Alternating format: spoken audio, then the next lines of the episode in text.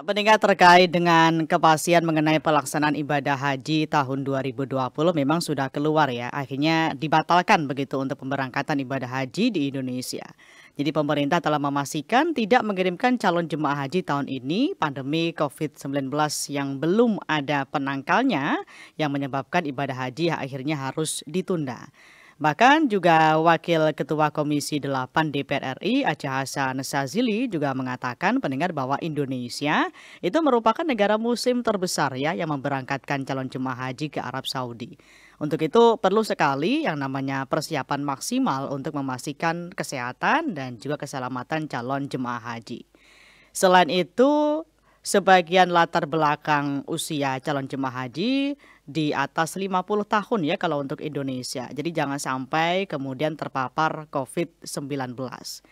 Kemarin juga sudah diinformasikan boleh kalau misalkan masyarakat membatalkan pemberangkatannya dana hajinya yang sudah dilunasi itu diambil lagi atau diambil sebagian untuk bisa ikut tahun depan atau tidak diambil ya dan persiapannya untuk pemberangkatan haji tahun depan. Jadi kalau misalkan nanti pandemi COVID-19 sudah mulai mereda, kemudian juga Arab Saudi sudah membuka akses untuk seluruh warga negara asing untuk bisa ikut ibadah haji, baru Indonesia akan membuka lagi untuk keberangkatan haji Indonesia. Baik, pendengar, saat ini kami sudah tersambung ataupun juga terhubung dengan Pak Husni, anggota Komisi 8 DPR RI dari fraksi Partai Gerindra Dapil Sumatera Utara 1. Kita akan berbincang lebih dalam terkait dengan pembatalan ibadah haji di tahun 2020. Saya karyawan outsourcing. Maunya sih saya bisa tahu dan nyimak pembahasan undang-undang terutama yang terkait hajat hidup saya. Saya mahasiswa, maunya bisa menyimak rapat-rapat pengawasan DPR yang mencerdaskan, biar kita-kita semakin paham arah negara ini ke mana. Anggaran yang dibahas DPR gimana supaya benar-benar pro rakyat kecil kayak saya? Siapa pun Anda, apa pun aspirasi Anda, sampaikan dalam dialog bersama Wakil Rakyat, kerjasama Radio Parlemen dengan RRI Pro 3. Saat rakyat bertemu dengan Wakil Rakyat, Bicara aspirasi, pembahasan anggaran, pengawasan dewan, dan legislasi. Dialog bersama Wakil Rakyat. Di sini RRI Pro 3. Setiap hari Rabu pukul 14.05 sampai dengan 14.45 waktu Indonesia Barat.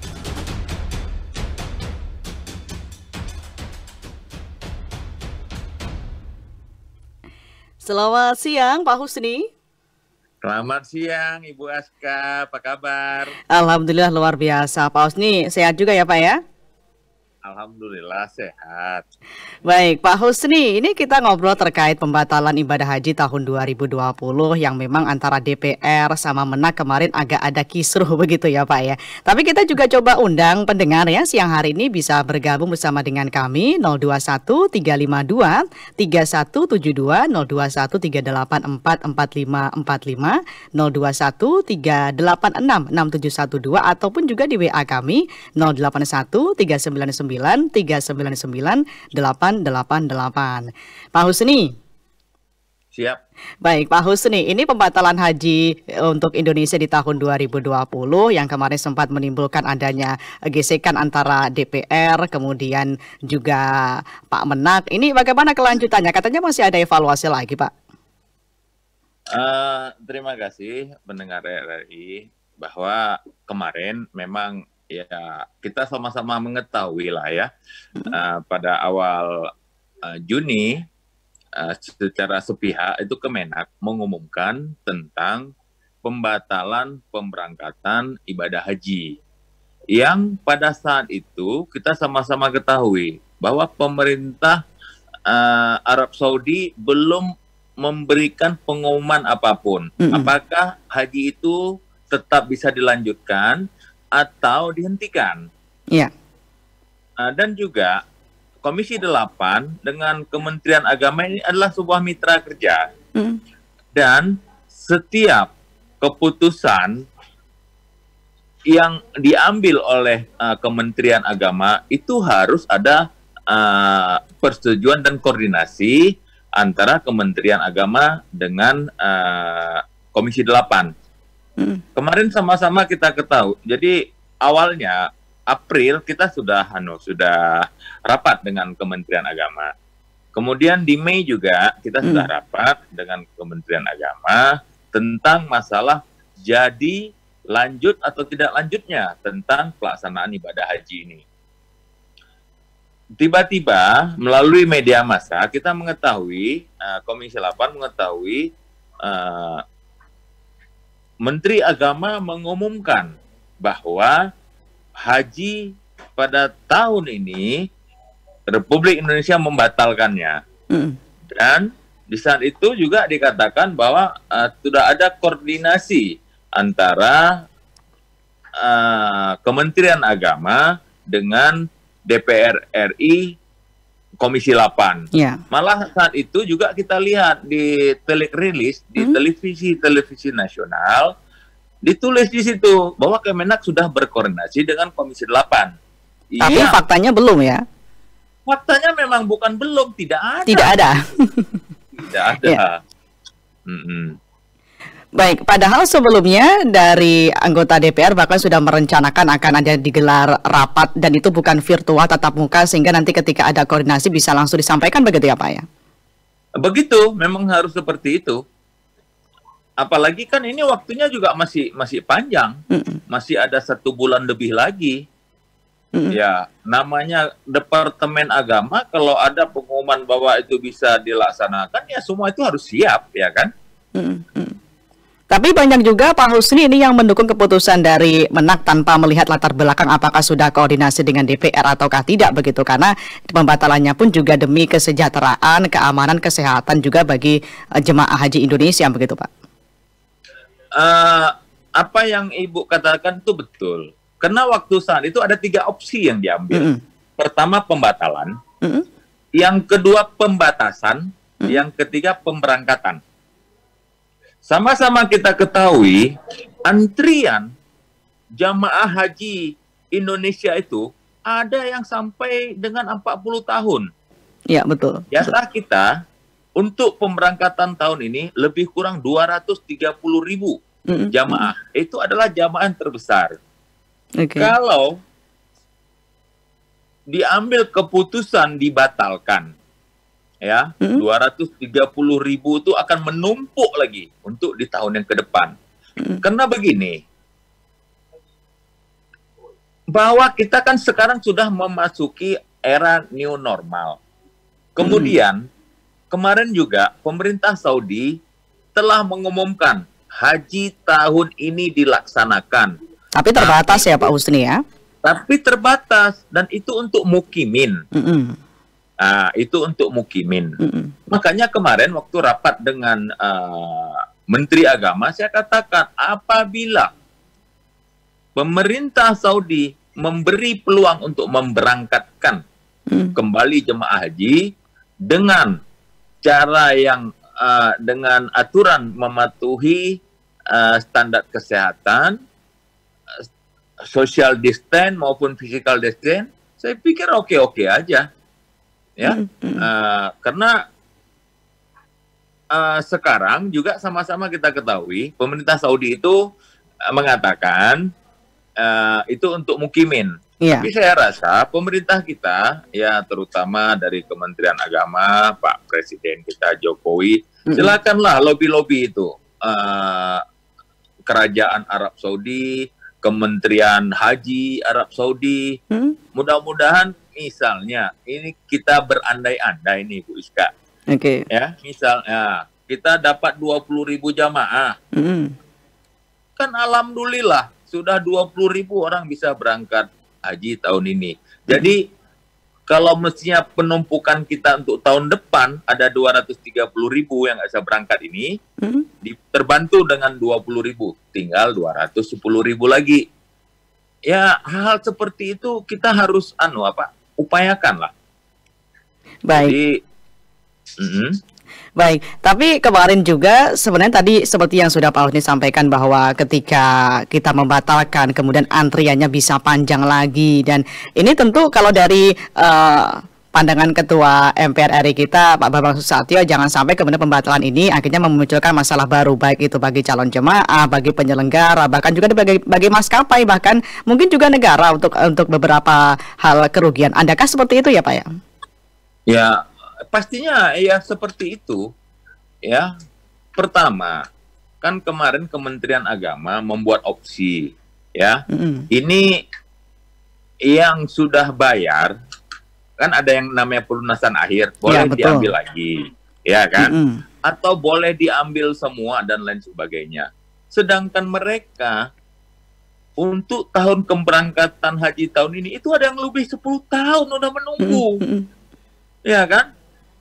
Dan ya saya susah betul nih ngomong nih Baik, Pak Husni. Oke, okay. ya. Pak Husni, saya tanya, ini kan sebenarnya memang hanya hanya pada masalah etika saja dari Pak Menak kemudian tidak menyampaikan usulannya pembatalan tadi kepada anggota DPR lain. Hanya itu saja kan Pak sebenarnya. Tapi kalau untuk pembatalannya Pak Husni setuju kan? Begini, ini bukan hanya etika tapi undang-undang. Oke. Okay. Ah, harus ada kepresnya. Cuma etika ini undang-undangnya ini. Harus harus ada kepresnya. Gitu. Ada, ada, ada, ada, ada undang-undangnya tuh. Mm -hmm. Nah, cuma saya lupa undang-undang nomor berapa itu kan. Oke. Okay. Uh, udah itu yang ibu hmm? uh, katakan tadi. Uh, kemudian masalah dana dikembali atau tidak kembali sudah bisa diambil.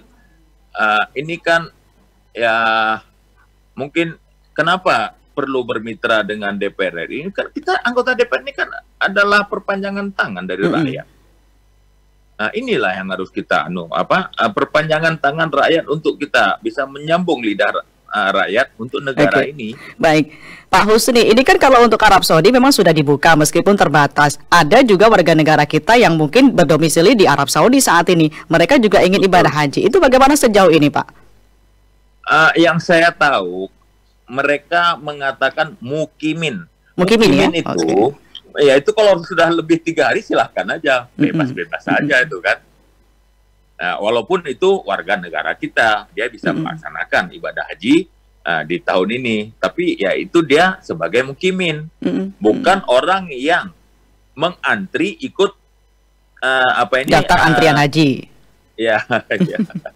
Baik, di siang hari ini saya juga masih buka untuk line telepon ataupun juga WA. Jadi pendengar silakan yang ingin merapat bersama dengan kami kita bahas tentang pembatalan haji di tahun 2020 untuk Indonesia bersama dengan Pak Husni ya dari anggota Komisi 8 DPR RI. Anda bisa bergabung sama dengan kami 021 352 3172 021 384 4545 021 388 8712 ataupun juga di WA kami 081 399 399 888. Pak Husni, ada pendengar kita Pak Abdul dari Kulon Progo bergabung bersama dengan kita siang hari ini. Pak Abdul, selamat siang. Selamat siang, Assalamualaikum. Waalaikumsalam. Ya, ini saya menanggapi Pak DPR ini kok tidak pas ini rasanya. Bagaimana Pak yang, Abdul? Enggak, yang haji itu kan kaitannya dengan negara lain kita mau berangkat kayak enggak kayak itu kan tergantung Arab Saudi kasih visa enggak mm-hmm. gitu loh bu mm-hmm. nah kalau terlalu mepet begini itu ya susah ngurusnya mm-hmm. Wong Arab Saudi belum ada kejelasan kok sudah betul itu Pak Menteri membatalkan Pak Jokowi misalnya lewat Menteri itu membatalkan haji itu sudah betul mm-hmm. Nah kenyataannya ya enggak boleh kayak yang keluar dari daerah kok Wong sadang yeah. dari negara lain kok saya bela itu Pak Presiden apa Pak Menteri betul ya. itu kalau kalau dibuka malah merepotkan Ya antri ya konsekuensi wong okay. yang punya negara Arab itu ya Arab Saudi. Ya, jadi memang keputusan di Arab Saudi, Arab Saudi Pak kok ya? kita buka PDW. Baik. Ya kan ya. lagi cepat bikin lagi sendiri di rumah sendiri kalau okay. mau. Baik, baik Pak Abdul. Terima Seperti kasih Pak Abdul ya. Iya, Terima itu kasih. ada aturannya itu. Iya, betul sekali sebenarnya banyak orang-orang yang kemudian mendukung uh, apresiasi ya dari keputusan Pak Menak. Namun di sisi lain memang ya tadi harusnya memang ada omongan lah dengan DPR ya. Begitu ya Pak Husni ya. Bagaimana sebenarnya Pak Husni ini dengan adanya begini, masyarakat yang masih pro ya, setuju dengan keputusan Pak Menak ini? Uh, begini, terima kasih Pak Abdul dari Kulon Progo. Jadi begini Pak ya Hmm. Ini kan tanggal 3 diumumkan, hmm. waktu masih panjang. Hmm. Yang kita maksud, ini kan haji ini ada ada dua yang hmm. di Republik ini melaksanakan. Satu haji reguler, ya, hmm. yang dilaksanakan oleh uh, Kementerian Agama. Hmm. Kemudian satu lagi haji non reguler yaitu haji, haji khusus ya. Hmm. Haji plus, haji khusus, ya kan. Uh, jadi uh, apa yang Bapak uh, Abdul katakan, kalau memang haji reguler, mungkin uh, waktu yang begitu mepet itu mereka nggak akan siap. Hmm. Ini di sini kita katakan ke, kemungkinan kemungkinan kalau pemerintah Arab Saudi itu membuka membuka uh, haji itu. Tapi kalau haji non reguler hmm. itu kira-kira satu minggu sebelum penutupan hari Julhijjah itu pun mereka uh, masih mampu melaksanakannya. Hmm. Ini contoh Pak ya, 2010 tahun 2010 saya berangkat haji haji plus. Waktu itu visa saya nggak keluar Pak. Keluar visa saya, jadi teman-teman saya waktu itu sudah berangkat uh, ke Mekah. Keluar visa saya ada dengan lima orang teman saya itu pas di hari penutupan Mekah. Alhamdulillah uh, semuanya bisa berjalan dengan baik. Jadi yang saya maksud di sini bahwa kalaupun uh, protokoler uh, hmm. Arab Saudi membuka, kita mengirim orang-orang adalah orang-orang yang sudah siap. Okay. Nah, yang saya maksud begitu Pak Abdul. Makasih banyak nih Pak Abdul ma masukannya dari Kulon Progo kampung istri saya. Tapi banyak ya anggota DPR dapat masukan dari rakyat Pak terkait oh, dengan haji ini. Banyak, banyak sekali. Baik, Pak Husni, ini kan anggota Komisi 8 DPR Pak Muhammad uh, Husni uh, juga sempat uh, meminta pemerintah untuk kemudian melobi pemerintah Arab Saudi menambah kuota haji Indonesia tahun depan. Betul, Pak? Ya, kita meminta lah karena begini, haji terbesar di dunia itu ada di Republik Indonesia. Ya. Dan antrean yang paling panjang pun ada di negeri kita. Mm. Nah, kan tadi saya sudah katakan ada yang mereka harus mengantri sampai kalau 10 tahun 15 tahun sudah biasa itu. Okay. 20 tahun, 25 tahun. Mm -hmm. Nah, inilah yang kita anu prioritaskan. Baik, Pak Husni, kita tahan dulu ada pendengar kita bergabung, Pak Miftah di Jogja. Pak Miftah? Halo, Pak Miftah? Halo Pak Miftah di Jogja, bisa mendengar suara kami? Ya, nampaknya terputus. Pak Husni, dilanjut lagi Pak Husni. Baik. Ya, ini terkait dengan uh, penambahan kuota untuk haji Indonesia di tahun depan. Bagaimana dengan kemudian ketika uh, haji kita di tahun ini yang kemudian masyarakat itu atau calon jemaah haji ikut lagi di tahun depan lebih panjang lagi dong Pak nantinya. Ada solusi lain Pak untuk kemungkinan terburuk? Ya, itu tadi uh, susah ya saya berandai-andai di sini ya. Mm-hmm. Jadi ya kalau sempat ditunda lagi ya pasti menumpuk lagi. Karena begini, haji ini adalah rukun Islam yang kelima. Yeah. Ya. Untuk kita umat Islam yang dikatakan mampu. Mm-hmm. Ya. Dan hebatnya walau kita bisa lihat sebahagian warga kita kalau untuk haji ini punya tanah tanah dijual punya kebun-kebun dijual. Hmm. Yang penting dia bisa uh, sampai ke tanah. Bisa haji gitu ya Pak ya. Betul. Baik, ini sejauh ini akan ada rapat-rapat untuk dengar pendapat lagi kah Pak dengan Pak Menak? Iya pastinya kita tetap melakukan rapat-rapat uh, berikutnya dengan Kemenak. Apalagi kan uh, uh, kemarin uh, sudah dikatakan oleh pemerintah uh, Saudi bahwa hmm. haji tetap dilaksanakan, tapi dengan uh, apa? Dengan protokol kesehatan dan yang boleh berhaji itu mukimin. Makanya di situ kita uh, ke depan mungkin kita akan minta lah ya. Uh, Baik. Supaya... Kalau kalau kalau ada rapat-rapat lagi yang dibahas apa lagi Pak kalau sudah dibatalkan seperti ini? Ya, yang sudah pasti ini kan kemarin pemerintah Saudi kan sudah membuka.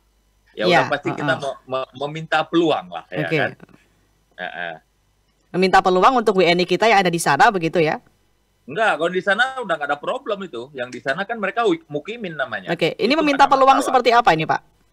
Ya peluang itu ya misal yang di sini misalnya siapa yang paling siap misalnya Mm-mm. eh, misalnya haji yang paling siap itu misalnya itu haji plus Diberangkatkan tahun ini atau tahun depan? Ya harus tahun inilah Harus tahun depan ini. udah, Pak. Iya, iya kalau bisa tahun ini. Namanya Mm-mm. juga lobby-lobby kan. Oke, ya. Ah, ah. Oh ya, Ibu, kemarin saya sempat ngomong Mm-mm. ah, dengan Pak Menteri. Mm-mm. Saya ini kan aslinya orang Aceh. Iya. Jadi kemarin waktu Lebaran datanglah kan, ah, karena saya selalu rumah saya tuh macam rumah rakyat aja. Mm-mm, mm-mm. Jadi dibilang datang ah, nenek-nenek dari kampung saya, dia bilang begini. Saya ini orang Aceh, tapi Mm-mm. saya dapil saya Sumut satu. Hmm, istri saya orang Jawa Mm. memang saya nasionalis hidup. Ah, jadi saya bilang, ah, dia bilang begini, ini bahasa Aceh ya bu ya. Iya. Ah, Haigam, Mm-mm. ah, paken hana haji tunyo, padahal menteri menteri haji, menteri ureng gatanyo, Mm-mm. tapi hanya haji tunyo. Jadi Mm-mm. artinya begini, ah, anakku, ah, ini kan kali ini menterinya, menteri agama ini kan orang kita, orang Aceh. Mm-mm. Eh, kita ini Aceh ini kan orang Serambi Mekah. Oke. Kenapa pas menteri kita orang Aceh malah eh, pemberangkatan haji tahun ini malah nggak ada katanya. Kan kan "Aduh, ini Pak aturannya dari dari Arab Saudi sendiri kalau misalkan Arab Saudi nggak buka akses gimana kita mau masuk? Nama juga nanya nenek-nenek bu. Baik, tadi oh, oh iya, ini ada pendengar kita lagi Pak sebelum eh, sebelum kita melanjutkan perbincangan. Ada Pak Lulu di Bogor. Pak Lulu? Selamat sore, Bu. Iya, selamat sore. Silakan Pak Selamat Lulu. sore, Pak. ya selamat sore Pak Lulu di Bogor. Pak, saya minta supaya semua pihak itu jangan terlalu membara apa Mm-mm. memberi jam- janji-janji yang muluk-muluk itu. Mm-mm. Ya kita Iya. udah tahu kalau Arab Saudi udah menutup diri cuman diperuntukkan bagi orang-orang yang berada di Arab Saudi aja. Oke, oke, oke. Dan Baik. kalau kita seandainya kita diberi kuota itu juga payah. Masalahnya itu kenaikan itu mesti ada. Iya, Soalnya iya. transportasi kan cuma diisi 50%. Ah. Itu kan memperoleh biaya.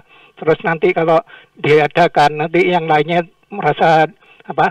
Ada kecemburuan itu. Oke, baik, baik. Ya, baik. itu kan merusak Oke, baik. hubungan kita itu masih. Oke, terima kasih Pak Lulu di Bogor. Selanjutnya ada Pak Darsono di Ciputat, Pak Darsono. Assalamualaikum. Waalaikumsalam. Silakan Pak Darsono. Ah, ya, saya setuju sekali itu. Ah, yang penting bisa tawaf di Arafah. Eh, wukuf di Arafah, bisa tawaf di... Hmm. Kurang jelas suaranya Pak Darsono. Oh iya, saya saya jauh dari deh. Bisa geser dulu mungkin sinyalnya ya. Iya, iya. Udah, jelas. Oke, silakan Pak Darsono.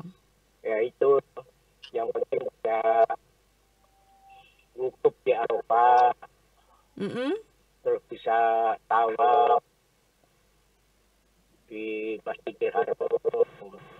Oke, jadi keinginannya bisa berangkat haji begitu ya Pak Darsono ya. Berangkat Oke, yang baik. Mm-mm, baik. Kalau ada anak begini, Iya, baik, baik. Terima kasih Pak Darsono ya. sama-sama. Terima kasih. Iya, tadi kalau kita melihat dari pernyataan Pak Lulu, Pak Hanif, ini kan memang kalau misalkan tadi kalau Pak Hanif menyampaikan untuk yang haji khusus sudah misalnya kita lobby-lobbyan dengan Arab Saudi. Kalau misalkan Arab Saudi memang sudah aksesnya ditutup, masa kita mau mau maksa gitu, Pak? Ya nama juga permohonan. Mm-mm. Mohon itu kan bisa iya bisa tidak. Tapi tapi yakin diterima atau tidak ini, Pak? Ya itu saya tidak mau berandai-andai itu ya. Karena belum dicoba ya. Hah? Karena belum dicoba. Tapi memang kalau kita lihat protokol kesehatan, kemudian dari aturan-aturan yang dibuat oleh Arab Saudi, kayaknya di sana lebih ketat begitu Pak. Kalau misalnya kita mau coba-coba, lobby-lobby ya belum tentu bisa gol ya Pak ya. Eh, begini Ibu, ini saya jawab ya. Eh, eh, memang apa yang dikatakan eh, tadi eh, eh, Pak Lulu yang di Bogor, Heeh. ya bisa keterjadian cemburan atau tidak, Mm-mm. yaitu kemudian oleh Pak Darsono tadi ya. Mm-mm. Pak Darsono kan dikatakan bahwa al haji al haji arafatu. Ha- jadi kalau misalnya eh, begini eh, eh, Ibu, Mm. misalnya dilaksanakanlah haji tapi diambil rukun-rukunnya saja Oke. itu nggak sah hajinya Mm-mm. Mm-mm. karena haji itu di Arafah wukuf dia Mm-mm. Ya jadi dilaksanakan misal rukunnya Selesai rukun tuh udah silakan pulang. Oke. Nah, jadi tidak akan terjadi penumpukan-penumpukan masyarakat. Mm-mm, Tidak mm-mm. akan terjadi penumpukan-penumpukan manusia di eh, di rukun ibadah haji itu sendiri. Baik. Jadi yang diambil itu ins- mu- misalnya yang diambil itu cuma rukun-rukunnya saja. Selesai. Dua Itu hari sudah sah ya. apa habis habis lontar bla bla bla udah selesai. Baik. Baik. Ada ada Pak Parlindungan di Tapanuli. Pak Parlindungan. Assalamualaikum Ibu. Waalaikumsalam. Silakan Pak. Assalamualaikum Pak Ete. Ya, silakan. Waalaikumsalam. Eh, saya Perlindungan Harahap, Mm-mm. cucunya Siti Sahara dari Bali. 40 Ya, silakan lang- langsung ke poinnya saja Pak. Pak Parlindungan. Nah, saya mau bertanya Pak, apakah eh, kita dana-dana kita sudah lengkap? Kalau belum lengkap, belum mencukupi dana kita, mohon diambil itu uang OKI. Kita kan anggota OKI. 5 Mm-mm. miliar US dollar bisa dipakai untuk SDM kita di Mekah, baik penginapan kita, hotel serbaguna kita bisa kita bangun di Mekah. Jadi supaya nggak sengsara saudara-saudara kita di NKRI ini karena di dunia Oke, yang baik, baik, terbesar baik. di Indonesia itu aja. Oke, baik terima kasih Pak Parlindungan, terima kasih. Saya geser ke Pak Wibi di Makassar. Pak Wibi. Oke, nampaknya terputus. Pak Husni gimana? Ini kayaknya masyarakat ingin adanya fasilitas yang lebih baik ya kalau misalkan berangkat haji, Pak.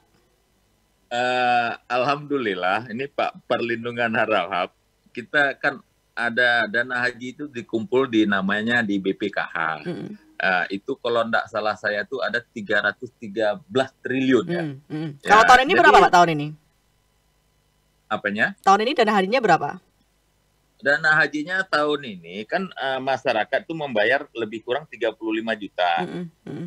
dan disubsidi lebih kurang juga eh, 35 juta. Jadi kira-kira ini yang reguler ya, Mm, itu mm, kira-kira oke. 70 juta. Jadi dari manakah eh, 35 juta tambahan itu? Itulah yang dana dari BPKH yang Mm. selama ini eh, si calon jemaah haji mengansurkannya. Oke. Jadi apa yang dikatakan oleh Pak Perlindungan Harap itu betul adanya. Kita juga usulkan supaya eh, ada da- ada ada dana-dana kita itu untuk dibangun eh, seperti negara-negara lain dibangun Mm-mm. hotel, Mm, ya penginapan. mm, mm. Karena kan kita sama-sama tahu haji terbesar ada di Republik Indonesia. Umroh terbanyak ada di Republik Indonesia. Jadi eh, Pak Perlindungan Harahap kita kita terus usahakan untuk itu. Ya, mudah-mudahan eh, bisa terwujud lah. Oke. Baik, eh, Pak Husni, ini saya juga ingin tanya mekanisme untuk pengelolaan dana haji yang digelontorkan oleh pemerintah ketika nantinya benar-benar ini sudah deal begitu antara Pak Menak kemudian DPR. Oke, batal. Itu gimana nanti dana hajinya, Pak? Jadi itu eh, kemarin eh, kementerian kan bikin opsi Mm-mm. yang pelunasan itu boleh diambil dengan catatan bahwa mereka akan prioritas pertama untuk haji tahun 2021. Nah, itu boleh boleh diambil atau dibiarkan saja di situ. Jadi eh, opsinya tetap ada apa? Opsi keberangkatan di Mm-mm. 2021 itu tetap eh, prioritas. Oke, itu kan untuk itu kan untuk uh, dana-dana yang sudah dibayarkan dari calon jemaah haji. Tapi kalau dari pemerintah sendiri mulai dari untuk uh, gaji petugas hajinya dan sebagainya untuk uh, fasilitas untuk hajinya ini kan sudah dari kemarin-kemarin kan sudah digelontorkan hingga akhirnya kemudian dibatalkan oleh Pak Menak. Itu gimana nanti? Eh, itu memang eh, kemarin waktu kita rapat kan juga disebutkan ada dana-dana yang telah dikeluarkan. Mm-mm, Tapi untungnya kemarin eh, sewa pesawat belum, mm-mm. biaya sewa hotel belum, apa itu namanya panjar-panjar itu belum. Oke. Karena itu kan dana yang paling besar kan di situ. Mm. Eh, kemudian eh, apa itu eh, pesawat, hotel, catering, ah, itu belum, Mm-mm. belum, belum ada anunya, belum ada panjar. Lantas Ya. dananya nanti akan diposkan ke mana Pak? Untuk penanganan COVID kah atau bagaimana? Bagaimana Ibu? Kurang Untuk dananya nanti akan diposkan ke mana ketika ini kan masih belum jalan begitu ya? Akan digunakan untuk penanganan COVID kah di Indonesia atau bagaimana Pak? Oh enggak, itu tetap dana haji itu enggak, Tetap enggak, ya? enggak terganggu. Tetap itu enggak enggak terganggu itu. Tapi dipastikan tidak Pak kalau misalkan hari eh, tahun ini kan sudah batal, tahun depan nanti bisa berangkat lagi itu naik nggak untuk tarifnya? Uh, itu kita uh, yang untuk yang periode ini itu tidak ada kenaikan lagi itu. Tahun depan dipastikan tidak ada. Iya, tidak ada, tidak ada. Itu tidak ada lagi. Ya, makanya hmm. kan di, tadi sebutkan yang tidak mengambil dananya sama sekali ya tetap dia okay. dia dia dia anu dia apa? Uh, ke, kecuali ada yang diambil dananya yang pelunasan mm -hmm. ya nanti waktu pas masa haji tahun depan pelunasan itu dia harus lunaskan kembali. Oke, okay, baik. Mm-mm. Baik, terima kasih Pak Husni, anggota Komisi 8 DPR RI sudah menyampaikan opininya ya terkait dengan pembatalan ibadah haji tahun 2020 dan juga terima kasih untuk pendengar yang sudah bergabung dalam dialog bersama Wakil Rakyat kerjasama antara RRI dan juga DPR RI siang hari ini.